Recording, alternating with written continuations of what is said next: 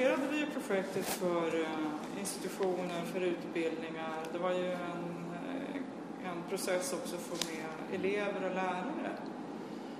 För det bygger ju ändå på frivillighet hela projektet, att man har Mm. lust att vara med. Eh, Mm. Och det är klart att det här var ju lite komplicerat projekt att förklara vad det boken handlar om och att vi i vår tur ville göra någonting av innehållet i boken som inte skulle vara som boken utan som skulle i sin tur vara mer som en performance, installation, föreställning och förklara det för elever som aldrig har jobbat Mm. med något sånt här. Men eh, de hakar på, alla hakar inte på, det var några som hoppade av också. Eh, och det vet jag precis vad det beror på. Det är liksom att man inte var intensiv och ihärdig nog och vi hann inte liksom hålla i dem när de tvekade. Nej, precis. Det är väl så med ett sånt här projekt. Ja, Jag sitter just nu i, vad ska vi kalla det för, katakomberna på Krämaren. Det är kanske en, en av modernismens stora symboler här i Örebro. Tillsammans med Kristine Keffer, scenograf, och eh, Jonas Nilsson, han är just nu frånvarande, och Annika Olsson, regissör.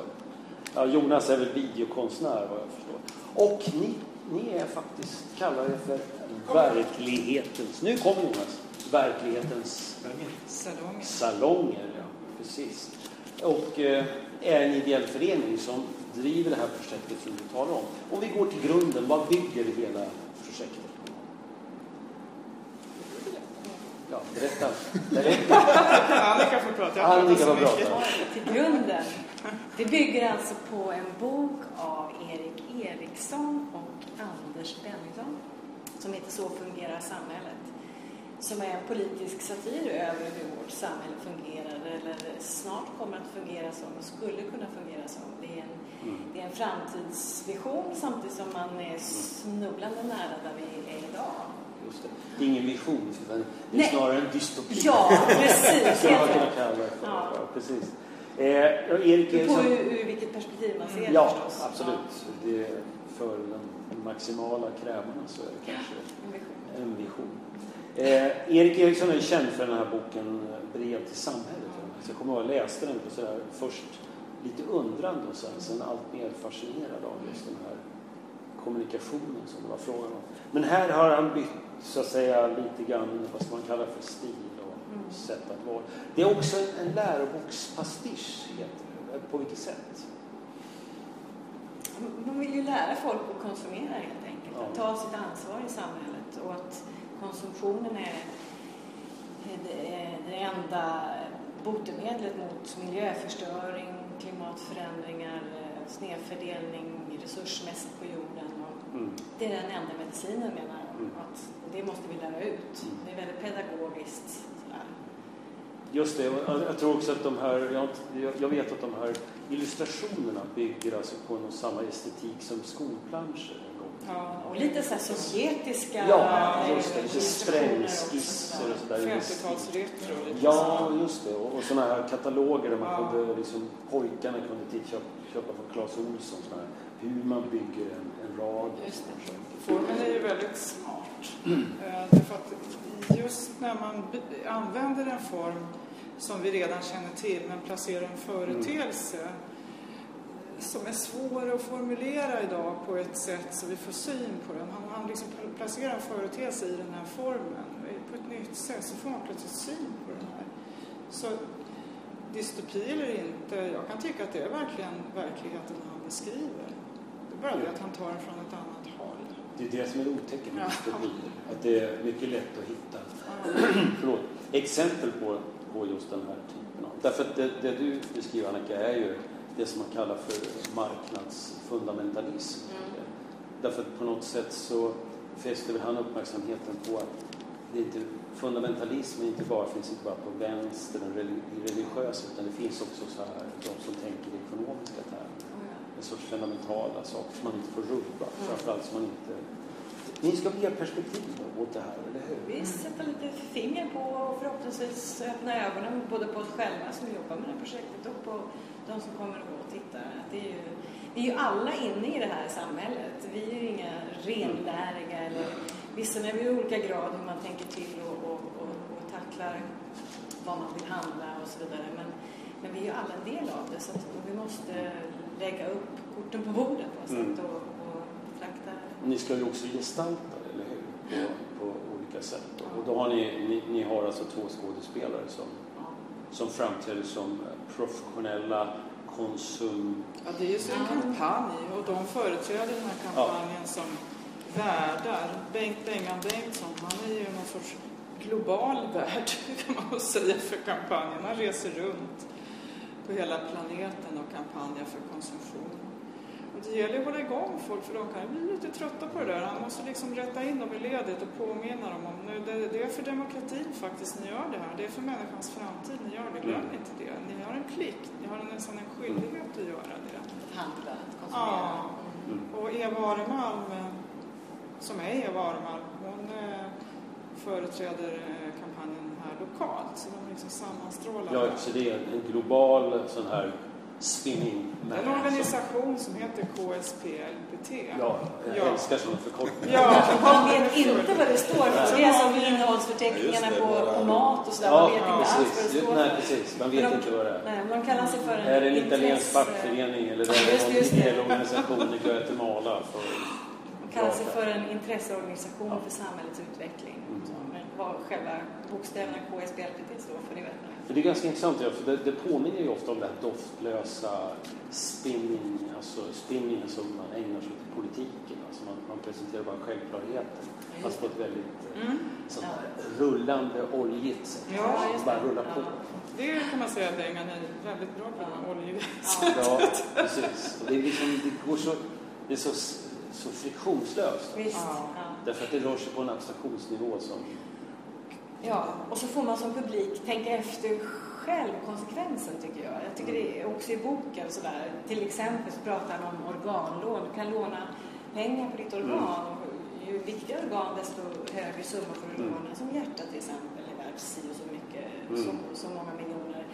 Och sen om man inte då kan betala tillbaka så tar ju bara KSPLPT organet och därmed är man skuldfri. Alltså, och därmed är man ju också död. Alltså, ja, det, det, står men det står ju aldrig det. Man, till, man ju tänka själv. Man tillhör den non-vivida populationen.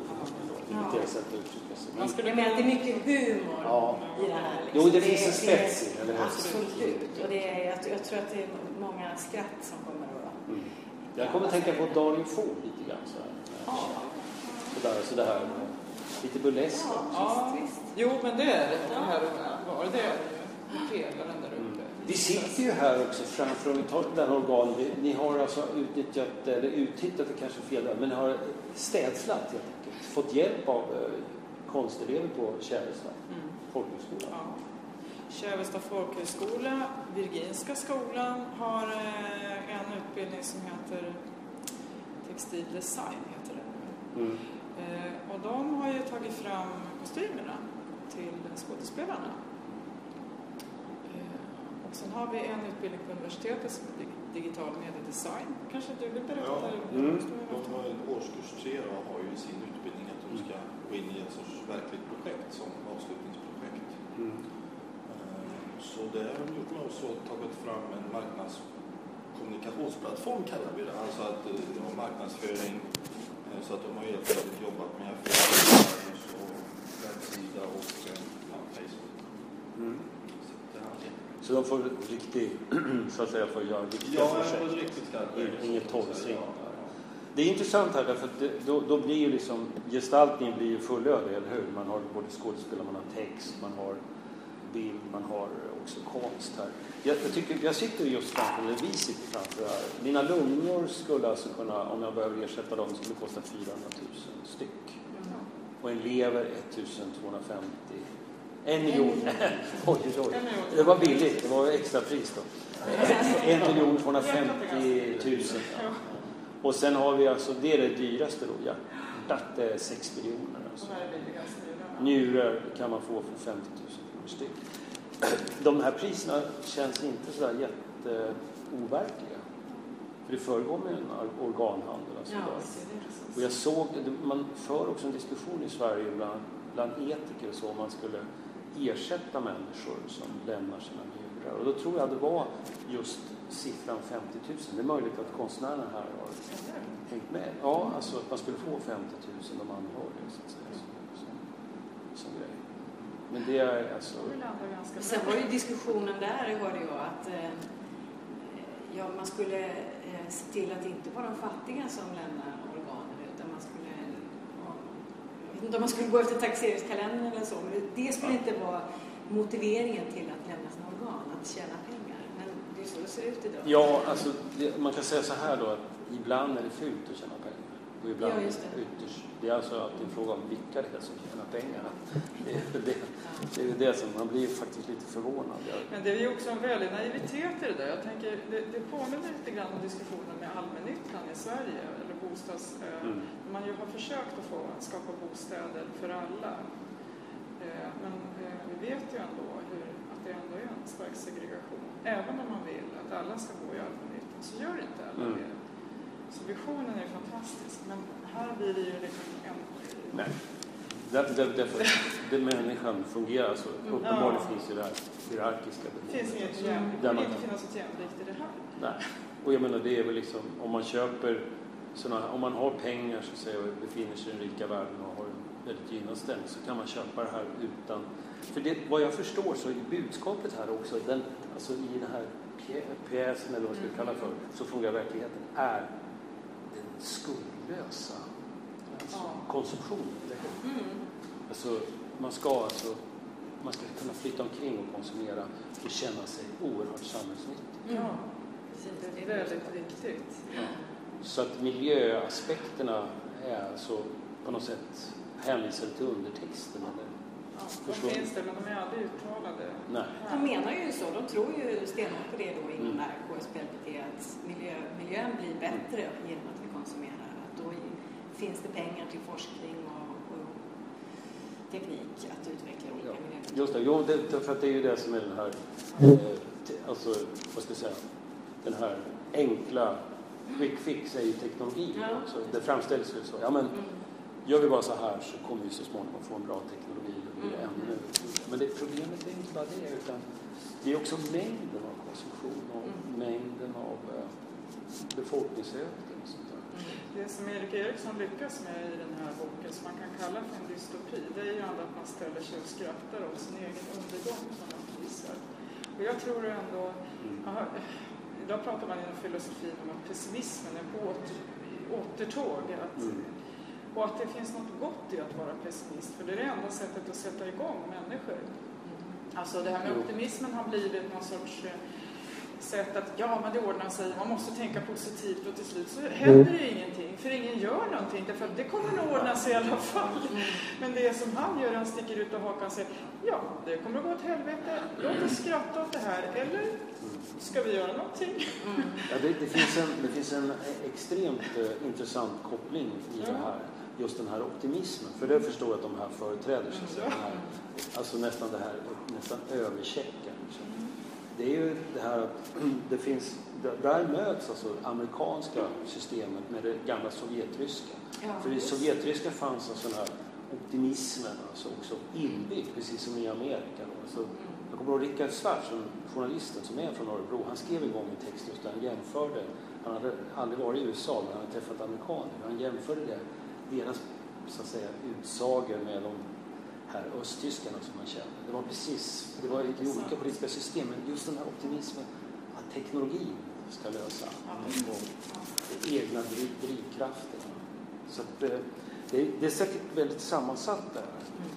Men eh, det finns också någonting som jag associerar åt Aniara-hållet och det är tydligen, det finns mycket nyord i den här.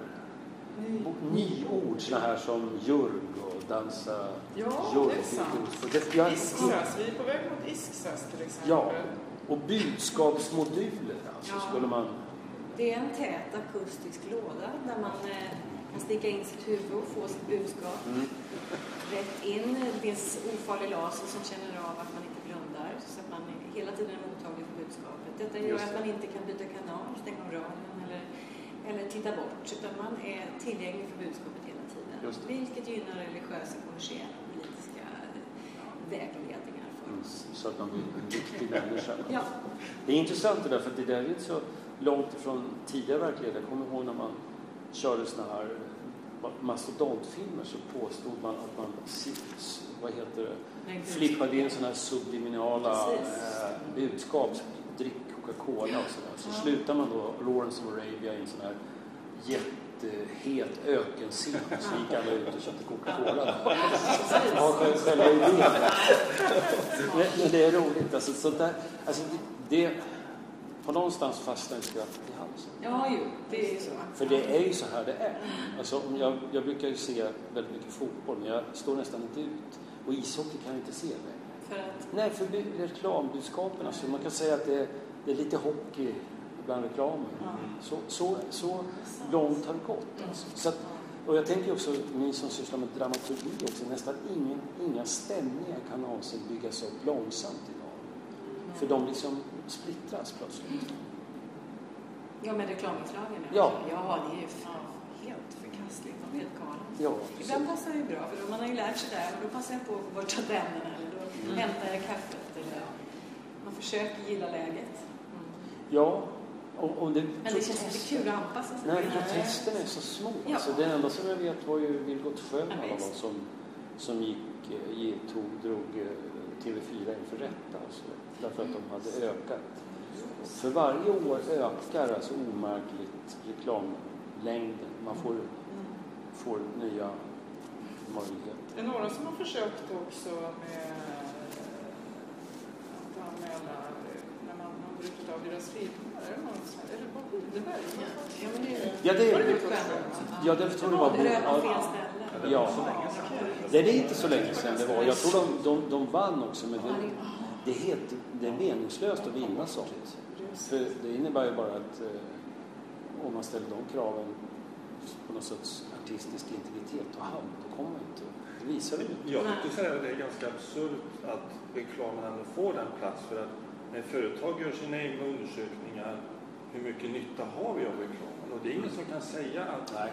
de säljer sin produkt så mycket Nej. mer av all det här de spenderar i reklam. Och ändå så får reklamen ta så otroligt mycket plats igen. Ja, det, är, det är ju något egentligen som inte stämmer. Så varför satsar man ändå så mycket reklam? Det finns, det finns en förklaring i det som jag har läst tidigare jag sysslar med sånt här. Det var ju att alltså, vissa produkter är så homogena som till exempel diskmedel och tvätt, sån här schampo. Och där måste man då skapa så att säga, skillnader i en produkt som ja, det skiljer lite i vatteninnehåll och sådär. För att det liksom, man ska då ladda sitt eget märke med speciella egenskaper. Och där kommer storytelling Ja, precis. Så Men eh, vad, är, vad är avsikten med er? Vad har ni för mål? Brukar man fråga. ja, vi ska förändra det här. ja, just det. Jag ville höra det. Jag ville förändra det. Precis, vi vill förändra det. Ja, men självklart. Vad är det för fel med det? Det är fel. Men det behöver förändras. Kan det inte vara det? Nej, jo. jo, men det är bra. Jag, menar, jag, jag säger, nej, men man måste ju börja med det någonstans. Ja. Sant. Och nu börjar vi så att säga mitt i... Eh, ni, ni har inte haft några problem här så att liksom, det här är ju ändå ett krämarparadis. Jodå, lite sådär eh, spännande har det varit. Jag har varit runt och handlat lite rekvisita här. Eh, plastleksaker sådär.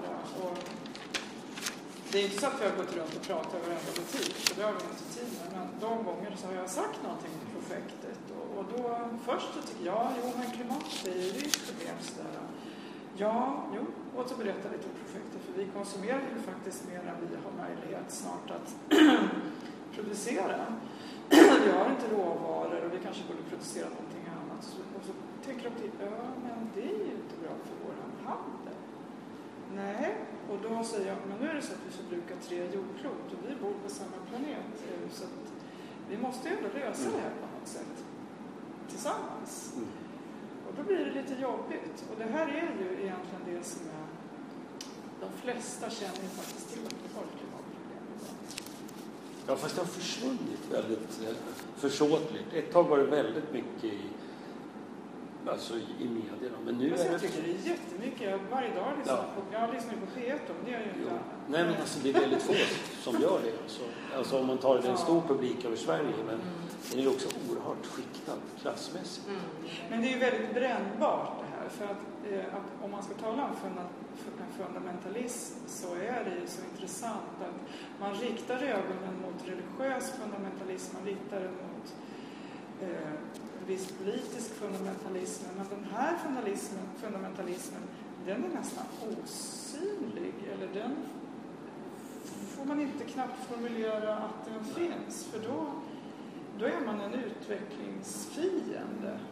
Ja, precis. Jag, jag skulle nog man kan tänka sig lite Ibsen sådär att man är en samhällsfiende. Ja. Alltså på det sättet. Och vem är det som är samhällsfienden till slut? Det är ju det som är den stora frågan. Vilka är utvecklingsfiender? en folkefiende som i, den pjäsen där det är Ja. ett förgiftad eller bassäng, bad som man försöker hålla igång för att ger pengar. Men man vet att det är förgiftat. så att säga. Det är ju precis så det jo, men jag känner också, sen finns det, om man tar ett steg till här bort, det är ju också det här att det finns ju en filosofisk fråga som pockar på svar under alltihopa det här. Och det är, vad ska man göra med sitt liv? Eller hur? Och lösningen är ju så att säga att man ska konsumera så mycket som möjligt. Fritid är att konsumera. Ja, Ja, vi har ju svaret på det i kampanjen. Verkligen. ja. Det har ju till och med på Nya Ord så har de ju då skapat ett nytt yrke som heter konsumtionärer. just det. Som är anställda Underbart. för att handla.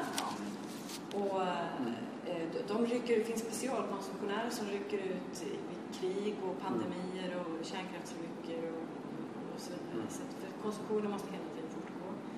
Och då när man sätter det i sånt perspektiv så blir det ju så skruvat och Vi har en som bor här. Just det, vi har provgjort den här. Har vi, har vi gjort ett litet bord? Men en akutkonsumtionär som kan rycka ut när tillväxtkurvan pekar neråt. Just det. Jo, men det är ju så. Det, det, där är, det är jätteintressant det där med just den här eh, sättet att se vad är professionellt. Jag tänkte ibland också att man...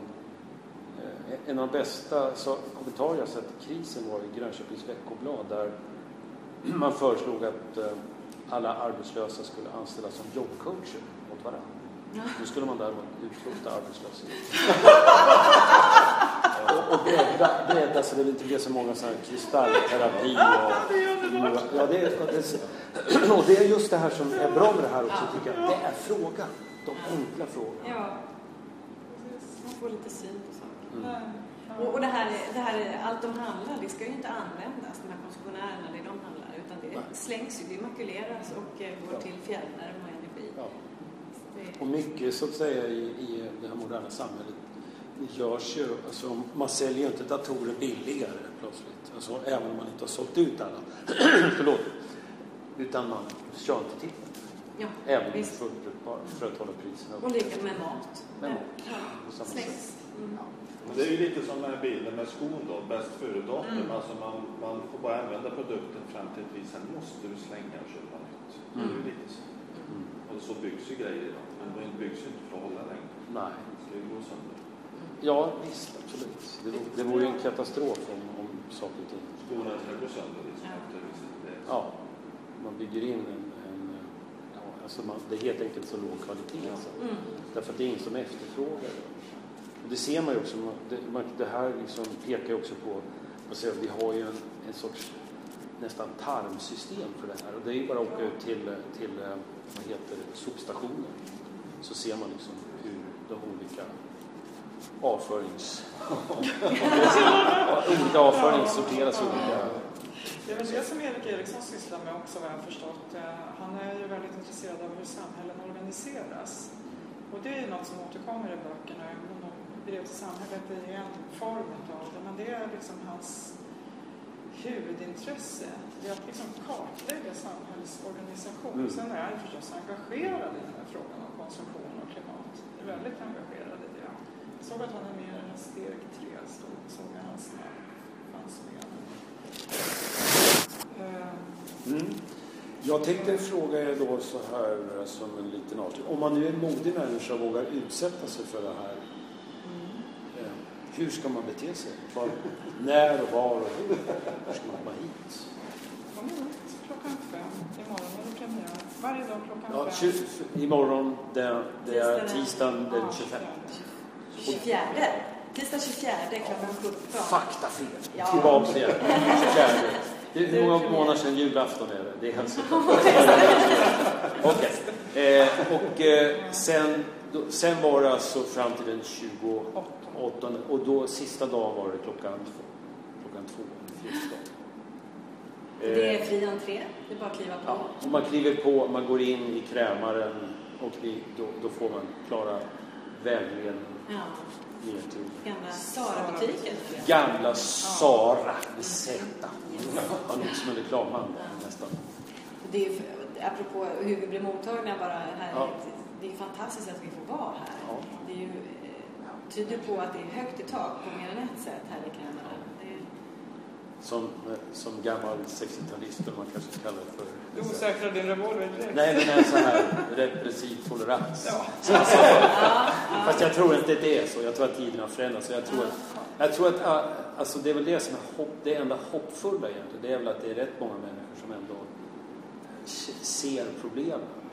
Och, och, och sen är det liksom det här jättesvåra steget att ta till hur ska man leva sitt liv på ett anständigt sätt på många olika nivåer. Att man liksom inte tär utan att man kanske åtminstone går plus minus noll och man lämnar den stället. Som en frystorkad rest.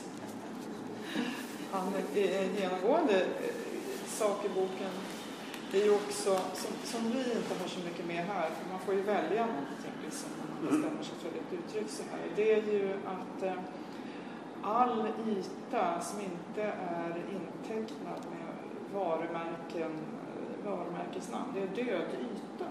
Mm. Eh, Och det tycker jag är en jätteintressant eh, aspekt av att betrakta hela planeten på. Man, man har ju, I boken finns det tatueringsmaskiner. Det finns små tatueringsmaskiner som går omkring i ditt hem och taturerar in McDonalds-märken på golvet. Och det finns jättestora som är på havets botten och tatuerar in. Alltså allt som, överallt ska det tatueras in de här. Och då, om Till och med kyrkorna. Ja, ja, ja, allt. Om vi nu är här inne i ett köpcenter så är, finns det ändå kanske någon liten sportlig chans till en, eh, en levande dialog där människor rör sig. Man talar ju om kreativa mötesplatser idag. Jag skulle lägga in det att i en, i en central stadsdel så måste ju kulturen finnas. Ja.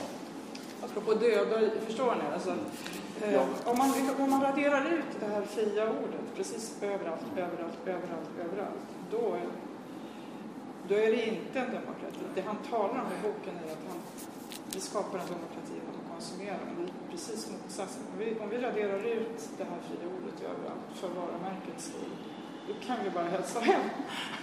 Jo, och sen är det intressant det här också att det, alltså, om man tänker ju så här så en, en, en, en, egenskap hos språket är att tystnaden är lika viktig som ljudet. Och om man raderar ut alla som du säger tomma ytor så att det inte blir någon tystnad. Det är tystnaden tror jag som man är rädd för också. Därför att där finns ju sprickorna. Eftertanken, Ja. då är det farligt om vi börjar tänka efter vad vi gör. Ja. Därför- Biblioteken, konsthallarna, alla de här platserna som är hotade idag. För det, det, jag tror det som är alltså också, alltså det finns en hjälp i sådana här saker. Att, att, att få klarhet. För det är det man strävar efter. För att liksom hitta sitt liv. Man Ja. måste kunna välja Ja. sitt liv. Inte varumärkena som ska välja. Och det är ju ändå häftigt att vi får vara här då. Där, det är ju egentligen bättre än det vi tänkte vara från början till Grenadierstaden. För där, dit hade människor måste ta sig. Och då hade det förmodligen blivit de redan invigda. Men nu är vi här. Ja. Det finns en potential, eller hur? Ja, det gör det faktiskt. Ja. Det, det är upp till er då liksom att försöka. Jag tycker det är intressant för jag kan inte prata om hela Sverige, men jag kan prata om som Örebro och Västerås som jag har lite kontakt med. Vad som händer nu lite mer och mer, och det kanske jag, jag, jag är ute och fiskar lite nu, för jag vet inte.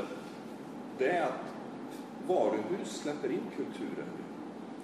Och det är intressant att tänka, varför vill de ha in kulturell yttring? Är det för att höja sin status? Vad handlar det här om? För jag vet Marieberg var också intresserad ett tag när de hade någon tom lokal för de kontaktade Konstfrämjandet om de ville ha utställningar där ute. Men det föll för då måste ju Konstfrämjandet ha en person som är där ute. Mm. Men alltså, så, och samma i Västerås nu, att de har projekt som händer ute i varuhus, mer butiker, mer och Mm. mer. Och det är intressant att det här händer. Det, det här tror inte jag är jättevanligt. Jag tror inte att det går så jättelångt tillbaka i tiden när det började hända. Att nu kulturen går in i. Mm. Alltså, så motpolerna börjar och lite grann så. Ja, vad är det som händer Ja, då? alltså, det? Men även de som är- sysslar med kommersialism är ju, måste ju känna en fruktansvärd tomhet ibland. Ungefär som den här personen i Harens år, huvudpersonen som sysslar med deodoranter och så kör på en hare. Och så stiger han ut i skogen och inser plötsligt hur jäkla meningslöst hela hans liv är. Så drar han bara. Och jag tror att alltså, det fin- den här tomheten, det är inte så att de här människorna då som, som är besjälade av den här ekonomiska modellen har, är genomgående lyckliga. Så liksom, det kan ju inte finnas tillvaro på något sätt. Det måste ju ändå finnas tvivel. Man har ju döden att ta hänsyn till. Sådär. Det är ett brutalt stopp på köpandet. Ja, Så vad, vad, vad ska man liksom... Ja, precis. Det kan ha kommit dit att de känner att Ja. de vill fylla med lite annat innehåll. Jag tror inte hela samhället, ja. kanske ni också är ett uttryck för det och den här boken. Ja. Att, att det finns liksom sprickor Ja. nu. Och kanske ska man vara hoppfull. Jag tänker på Hans Magnus Enzensberger. Han skrev att han trodde på viskningen. De många viskningarna. Det, det här kanske kan bli bra visk, viskningar. viskningar. Ja. Då står det jobb där. Ja, men det blir lite högre. Det kanske inte slutar med en viskning. Nej, utan det växer. Jag menar så. Det är ju en sån här ekoeffekt. Och sen är det de mänskliga mötena, det är de som är eh, de, de är de enda man kan hoppas på faktiskt, för förändring. Tack så mycket!